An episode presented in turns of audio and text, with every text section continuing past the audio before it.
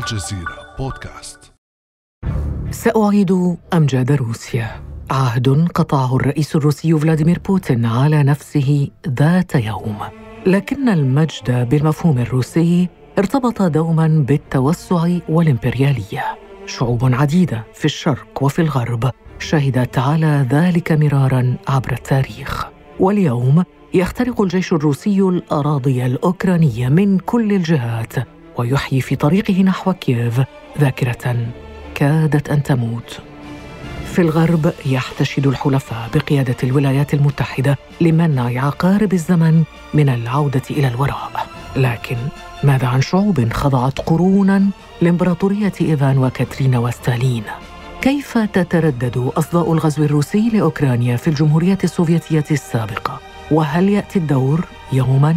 على كازاخستان على أذربيجان أو على غيرهما؟ أم أن موسكو ستندم على إثارة كل هذا الرعب؟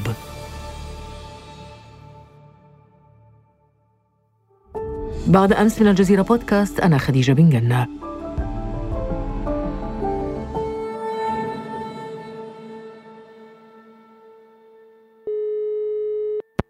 يسعدني أن أستضيف مرة ثانية في بودكاست بعد أمس الأستاذ روفيس حافظ أغلو الخبير والمحلل السياسي الأذربيجاني. نرحب بك أستاذ روفيس أهلا وسهلا بك. أهلا بكم ومرحبتين سيدة خديجة. بداية أستاذ روفيس عندما نتحدث عن وسط آسيا والقوقاز روسيا تكون حاضرة بقوة دائما. لكن كيف تمكنت موسكو من الحفاظ على هيمنتها هناك بعد انهيار الاتحاد السوفيتي برأيك؟ سيد الكريم اولا أنا أشكركم لدعوتكم. ما يخص جواب على سؤالكم أريد أن أقول إنه الاتحاد السوفيتي لما انهيرت يعني لما انتهت يعني الحكم السوفيتي يعني كانت عندنا فرصة آه، كانت عندنا فرصة جميع يعني الاتحاد السوفيتي السابقة أن يبتعد من حكم الروسي. لكن للأسف الشديد ما رأينا هذا في الميدان. يعني هناك كانت ثلاثة دول يعني الاتحادية السوفيتية السابقة منهم لاتفيا ليتوانيا إستونيا. هؤلاء يعني خرجوا بمعنى حقيقي من تأثير روسيا في المنطقة. يعني أقصد في حتى أيام الاتحاد السوفيتية هؤلاء الدول كان عندهم الكراهية إلى حكم الروس. يعني هذا كان موجود ونحن كمواطنين السابقين اللي كانوا يعيشون في روسيا نعلم هذا الأمر. لكن الباقي الدول ما استطاعوا أن تخرج أو يخرجوا من تأثير روسيا ولها عدة أسباب. ومنها أول سبب أنه كما تعلمي إحنا حتى في أذربيجان وعموما في الاتحاد السوفيتي السابقه أكثر من 70 سنة كنا تحت سيطرة الاتحاد السوفيتي يعني تحت سيطرة موسكو والسيادة العسكرية يعني السيادية السياسية روسيا الاتحاد السوفيتية بهذا السبب ما كان عندنا أو عموم يعني في الاتحاد السوفيتية في جمهوريات القياديين الحقيقيين يعني السياسيين لكي يخرجوا من هذا الأمر. النقطة الثانية مهمة التأثير اللغة الروسية بنفس الوقت تأثير السكان الروس مواطنين الروسيا بالجنسيات الروسية يعني أنا سأتكلم عن هذا الأمر يعني اللغة الروسية ما زالت شعوب المنطقة كلها تتحدث اللغة الروسية؟ المنطقة كلها تفهم اللغة الروسية بشكل جيد. يعني على سأضرب بعض الأمثلة. يعني اللغة الروسية وأنت أيضا تتحدث الروسية؟ أنا أتكلم الروسية بشكل جيد. أنا درست بالروسية. يقال أن الرئيس الأوكراني نعم. نفسه زيلينسكي يتحدث الروسية في بيته. والله طبعا أنا هذا أقوال ممكن قد يكون فلا أخفي ممكن هو يتكلم مع أسرته مع أفراد الأسرة بالروسية حتى عندنا يعني بعد مثلا وزير الخارجية الاذربيجاني السابقة هو كان يتكلم الروسية أحسن من اللغة الأذربيجانية وهذا كنا نعلم وكنا نضحك عليه أنه عليك قبل كل شيء أن تتكلم بلغتك وهذا احتراما لشعبك نعم. ولدولتك لكن النقطة الثالثة لو سمحت سيدة خديجة تفضل. يعني تفضل. كان عندنا إيمان وخوف من روسيا، إيمان كنا نؤمن بأن الإيمان بمعنى حقيقية أنه روسيا دولة قوية وإنها عادلة للجميع وبنفس الوقت نخاف من غضب الروس. يعني هذا تخيل أنه هؤلاء كانوا كثير لما أنتهت يعني الاتحاد السوفيتي كثير من الناس ما أحرقوا أو ما تركوا عندهم كانت بطاقة الحزبية. حتى الآن موجودة عندهم في البيوت. كثير من الناس فكروا بهذه العقلية أنه الإتحاد السوفيتي سيعود. وهذا بس المشكلة مؤقتة. النقطة الرابعة ما كان عندنا الأشخاص طيبين بمعنى حقيقي إنه ما عندنا مشكلة كوادر.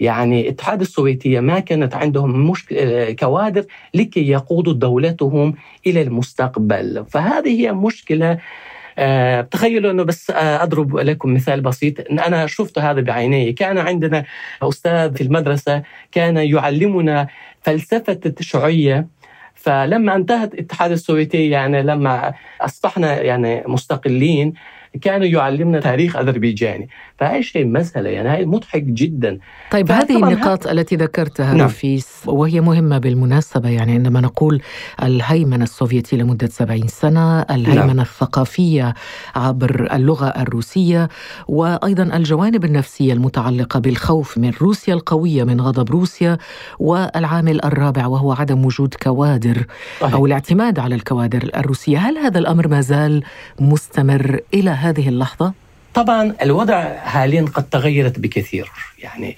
طبعا ليس في كل الدولة هكذا. مثلا أذربيجان نحن ماذا فعلنا حقيقة؟ بعدما أصبحنا يعني مستقلين عن الاتحاد السوفيتي بعد انهيار الاتحاد السوفيتي بمعنى نحن بدأنا أن نرسل الكوادر إلى تركيا. أرسلناهم إلى تركيا أرسلناهم إلى الدول الغربية البعض درس في أمريكا وإلى آخره. طبعا هذا شيء جيد ولكن بنفس الوقت يعني ليست أقصد من الناحية الغربية هؤلاء ما رجعوا إلى أذربيجان. أما الطلاب اللي درسوا في تركيا هؤلاء رجعوا ولقد أصبح عندنا كمية من كوادر التي ممكن نعتمد عليهم بمعنى حقيقية فهؤلاء جاءوا فتغيروا تقريبا كل شيء. نعم حاليا يوجد عند بعض الشعوب يعني عفوا بعض النفوس الأذربيجانيين حتى الآن يفكر أنه نعم روسيا ليست لها بديل أنها قوية أنها نحبه لا بل عموما كثير من الناس على الأقل 90 من 100 من سكان أذربيجان يفكرون بطريقة أخرى. قد أصبح عندهم العودة إلى الخلف يعني تاريخهم نحن مسلمين. نعم. نعم نحن مسلمين. طبعا في بلاد أخرى طبعا تختلف يعني في كازاخستان الوضع تماما تختلف عن وضع اذربيجان طيب ما وجه الاختلاف بين كازاخستان وأذربيجان مثلا؟ طبعا اختلاف في هذا الأمر. أنا قلت يعني كلمت عن الوضع الأذربيجاني لكن كازاخستان مشكلتهم أنه النفوس الكازاخيين يعني هم الكازاخ أصلهم عددهم أقل من الروس.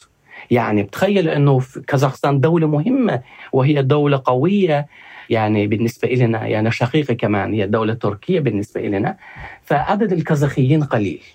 هناك سيطرة روسيا كم بالكامل. يعني أنا بعرف أنه عدد الكازاخيين أكثر تقريبا 50 من 100 يعني قصدك أستاذ رفيس 50% من مجموع تقريبا 19 مليون نسمة في كازاخستان. نعم. وهذه حقيقة. لماذا أقول عن هذا الكلام؟ لأنه نحن أصدقاء يوجد عندنا يعني علاقة مع كازاخستان فنجلس مع خبراء الكازاخستان فنناقش هذا الأمر. هؤلاء يقولون أنه أمامنا أمام كازاخستان مشكلتين مشكلة روسيا ومشكلة الصين وهذا نحن كلنا نعلم ذلك. يعني مشكلة كازاخستان تختلف عن مشكلة أذربيجان وخاصة الآخر الأحداث اللي حصل في كازاخستان.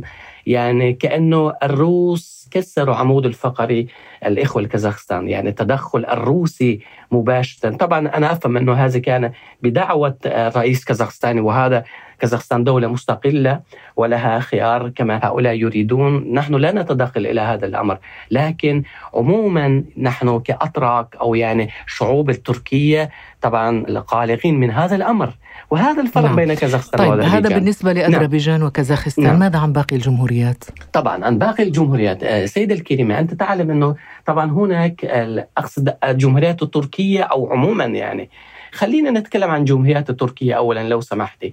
هناك طبعا تركمانستان وكما تعلم تركمانستان دولة مغلقة فاللي تجري في تركمانستان لا حد يعلم إلا السكان التركمانستان. طبعا تركمانستان تقول أنها لا تندمج إلى أي قوة سياسية لكن ما يخص الكازا عفوا أوزبكستان. طبعا أوزبكستان تختلف. أوزبكستان ممكن أقول انها حاليا أصبحت أقوى دولة في المنطقة ولها مستقبل عميق إن شاء الله قوي. لماذا؟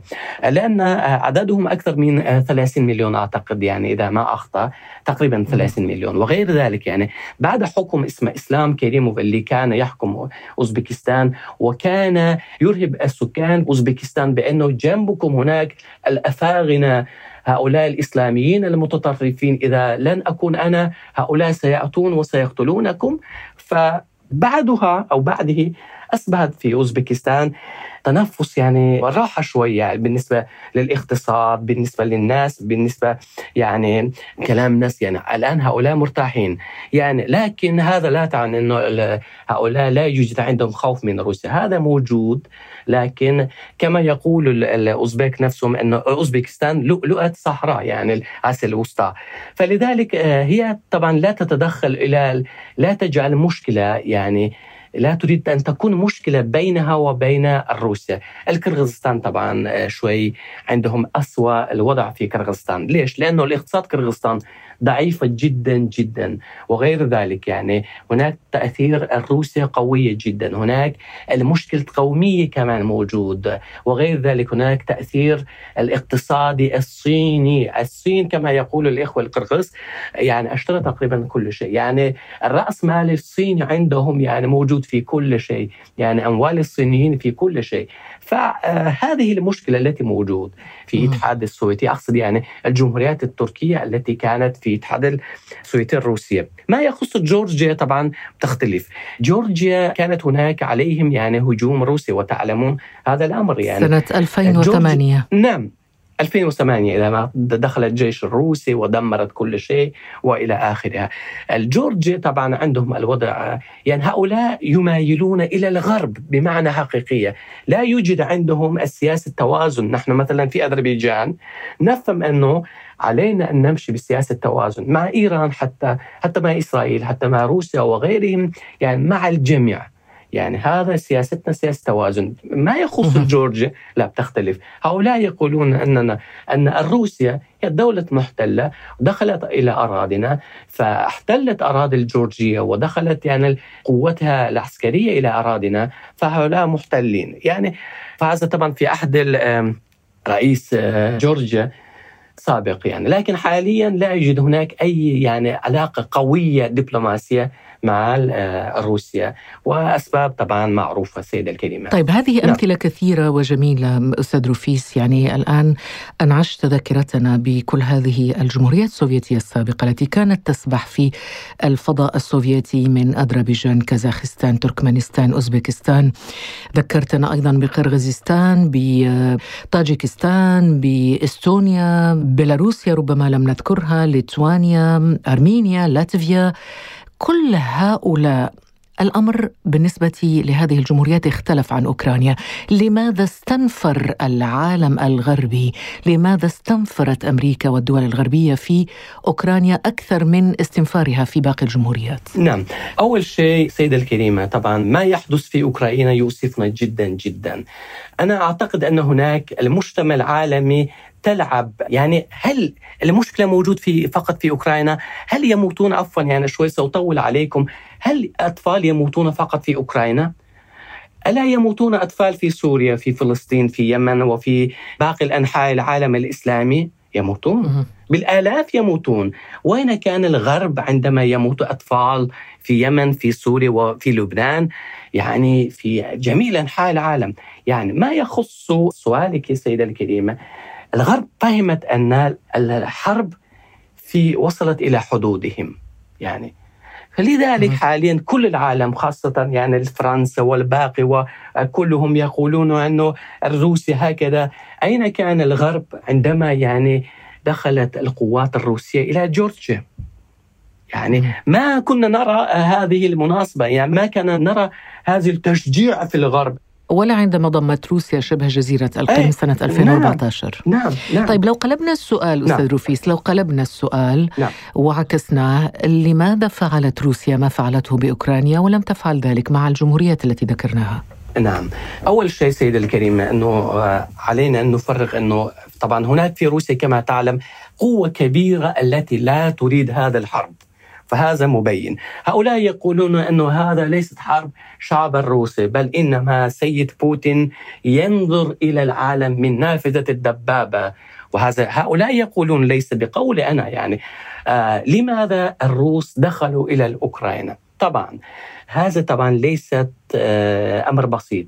هؤلاء كانوا وهذا الحرب يعني كانوا يتجاهزون أنفسهم خطة والخطة، لماذا أوكرانيا؟ أول شيء يعني أوكرانيا كانت عندهم السياسة موجهة مباشرة إلى الغرب، غير ذلك يعني خدعوا الروس، أنا متأكد أنه الغرب ليست غرب طبعا، الأمريكا خدعت روسيا بمعنى حقيقية، ليش؟ لأنه كانوا هناك كانت أقوال بأنه أوكرانيا قد تصبح جزءا من ناتو. بس لدي سؤال. لا يوجد في ناتو أي خبرة لكي يعني هؤلاء لا يأخذون أي دولة التي توجد عندها مشكلة في أراضيها. يعني جورجيا. يعني جنبنا يعني. منذ زمان يتكلمون أنها ستصبح جزءا من ناتو وكذا. حتى الآن ما في أي شيء. نفس الشيء كانت مع أوكرانيا. لكن أمريكا ماذا فعلت؟ شجعت روسيا إلى أن تدخل العسكرية لكي يكسر عموده الفقرية أقصد يعني من الناحيه الاقتصادية يعني. هذا كان موجود. أكيد تشاهدون أخبار الروسية وبنفس الوقت أوكرانية. الجيش الروسي بمعنى حقيقية روسيا يعني خسرت لما دخلت إلى كريم. هاي الخطة الأولى. حاليا هناك يوميا يموت أولاد الروس للأسف الشديد. فهذا ليست لمصالح الشعب الروسي بل إنما سياسة يعني كيف أقول لكم يعني إبعاد اقتصاد أو يعني كسر اقتصاد روسيا بمعنى حقيقية، للأسف الشديد روسيا بتدخلها إلى أوكرانيا أصبحت جزء من شمال كوريا الشمالية، فهذا يقولون الروس طبعا ليس قولي إنها دولتنا أصبحت يعني بعيدا عن المجتمع العالمي. بس نقطة إذا ممكن. شوفوا الاتحاد السوفيتي السابقة يوجد مشكلة في جميع الدول يعني منها أذربيجان تعلمي قصة كبيرة يعني الكرباخ المحتلة. جورجيا أراضيها محتلة.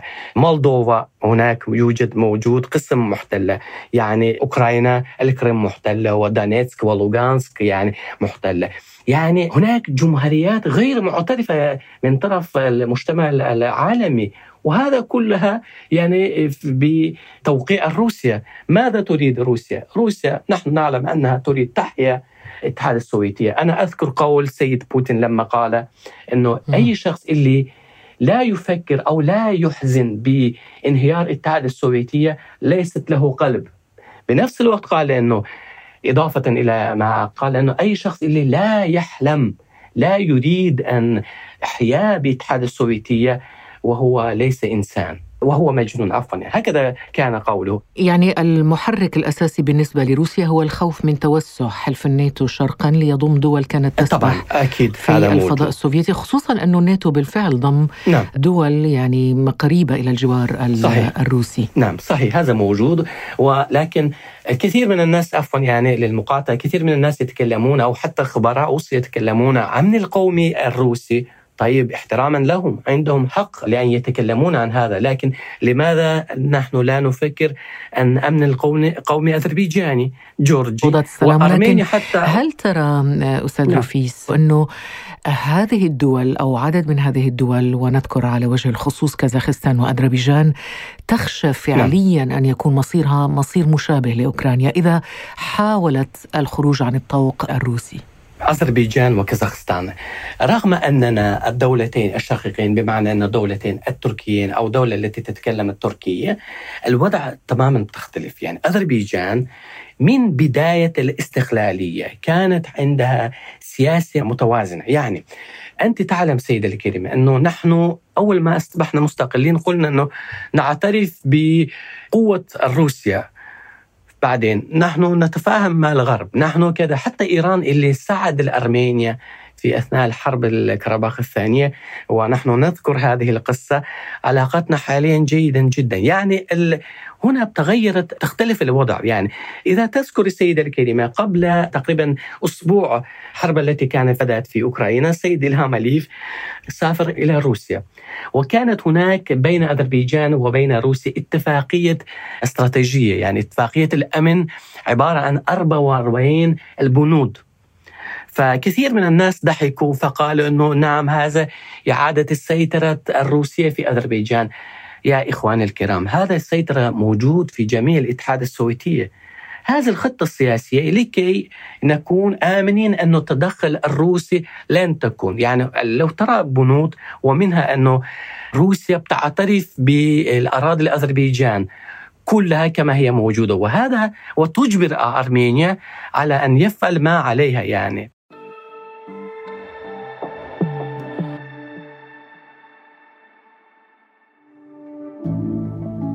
على تواصل مستمر مع الجزيرة بودكاست ولا تنسى تفعيل زر الاشتراك الموجود في تطبيقك لتصلك الحلقات يومياً.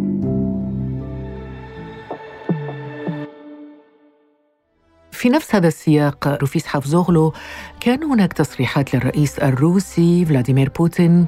قبل عامين أثار فيها استياء كبيرا في وسط آسيا عندما تحدث عن إمكانية إعادة الوحدة بين روسيا وجمهوريات سوفيتية سابقه لنستمع اولا.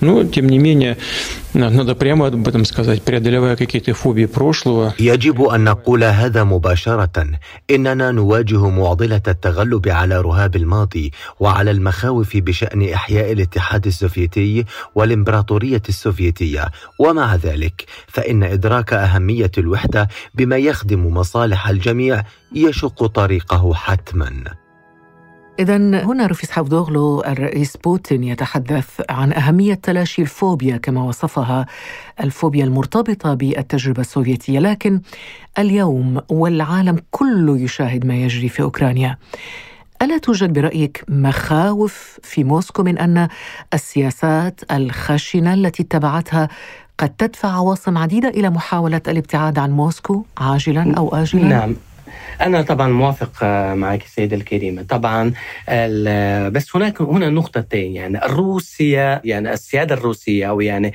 سيد بوتين وأطرافه يفهمون هذا الأمر. لكن هؤلاء يقولون عندهم القول مهم فهؤلاء يقولون أنه الغرب يخدع الجميع. وخاصة يعني الغرب يخدع روسيا الغرب يخدع أذربيجان وغيره وغيره وغيره حاليا المشكلة أنه في الاتحاد السوفيتي السابقة في الجمهوريات السابقة التي تدخل إلى الاتحاد السوفيتي السابقة يعني عندهم يوجد أقلية أنها نعم الغرب يعني اتجاهي إلى الغرب قد تسبب لنا مشكلة. فعلينا أن نكون في علاقة جيدة مع الجيران ومنها أقوى جيران أو جارنا مين هو؟ طبعا روسيا والصين. لكن هناك نقطة بس أريد أن أطرح يعني كما تعلم سياسة الدولة طبعا تختلف عن وجهة النظر النظر الشعب ونحن قد رأينا هذا في أذربيجان. يعني لما بدأت أحداث أوكرانيا كثير من الأذربيجانيين خرجوا إلى الشوارع ليدعموا أوكرانيا بمعنى حقيقية، يعني نحن شعبا وسياسيا لا نقول أنها ليست حرب أذربيجان لكن عموما نحن ولا نؤيد أي حدا ولا نؤيد روسيا ولا أوكرانيا لكن هناك حقيقة واقع أن نحن نؤيد أو ندعم أراضي الأوكرانية أنها يعني هذا احتلال.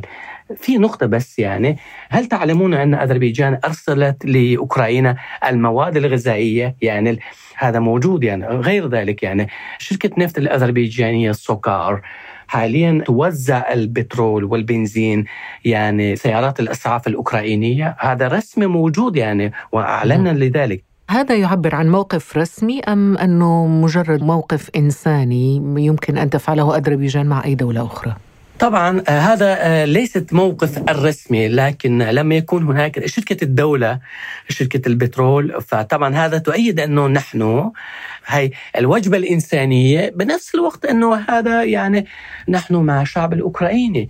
فلا نؤيد الحرب في أوكرانيا. حتى هناك كانت قول سيد الهماليب لما كلم مع زيلينسكي فأقول أنه نحن قد نكون ممكن نكون يعني وسيطا بينكم وبين روسيا. طبعا هذا أمر شوي صعب جدا لأنه روسيا لا يستقبل بهذا الأمر أكيد ونحن نعلم هذا الأمر لكن عموما إذا نظرنا إلى الشعب الأذربيجاني هؤلاء على الأقل يعني 80 من 100 يدعمون أوكرانيا بمعنى حقيقي طيب على, يعني على المدى نعم. المتوسط والبعيد ما هي خيارات جمهورية الفضاء السوفيتي السابق للموازنة بين النفوذ الروسي وفي نفس الوقت الحفاظ على استقلالها وسيادتها؟ المستقبل الجمهوريات آه، يعني الاتحاد السوفيتي السابقة طبعا هاي المشكلة كبيرة. بمعنى حقيقي يعني فيها أذربيجان. طبعا أحسنهم أذربيجان وجورجيا ولاتفيا ليتونيا وإستونيا لكن عموما تحت علامة الاستفهام. وهذا طبعا ليس بسبب موقف الأذربيجاني أو يعني بسبب موقف التركمانستاني وأوزبكستاني لا. هذا بسبب الموقف روسيا نفسها. لأنها روسيا لا تخشى من أن تدخل إلى هذه الدول عسكريا سياسيا. بل إنما مباشرة تتدخل أحيانا. يعني, يعني هذا يعكس خشية حقيقية لدى هذه الدول من أن تفعل روسيا طبعا. ما فعلته طبعا طبعا. آه، مع, مع أوكرانيا. أن تفعل ذلك معهم. ورأينا هذا في كازاخستان. يعني دخلوا في يوم واحد وخرجوا تقريبا بعد ثلاثة أيام يعني. هذا يدفعنا إلى سؤال مهم، هل يمكن أن يتكرر ذلك الآن أيضا مع أوكرانيا بعد كل ما يحدث من اشتباكات الآن وهذه الحرب الدائرة في أوكرانيا؟ أن تخرج بعد ذلك القوات الروسية من أوكرانيا؟ صعب جدا بمعنى حقيقي لأنه الدخول إلى أوكرانيا كانت آه، بداية النهاية بمعنى حقيقية الخروج وهذا يعني أقصد يعني الروسيا لن يتركوا الموقفهم بالسهولة. الخروج منها رغم كل شيء لكن لا أقول لن يخرجوا.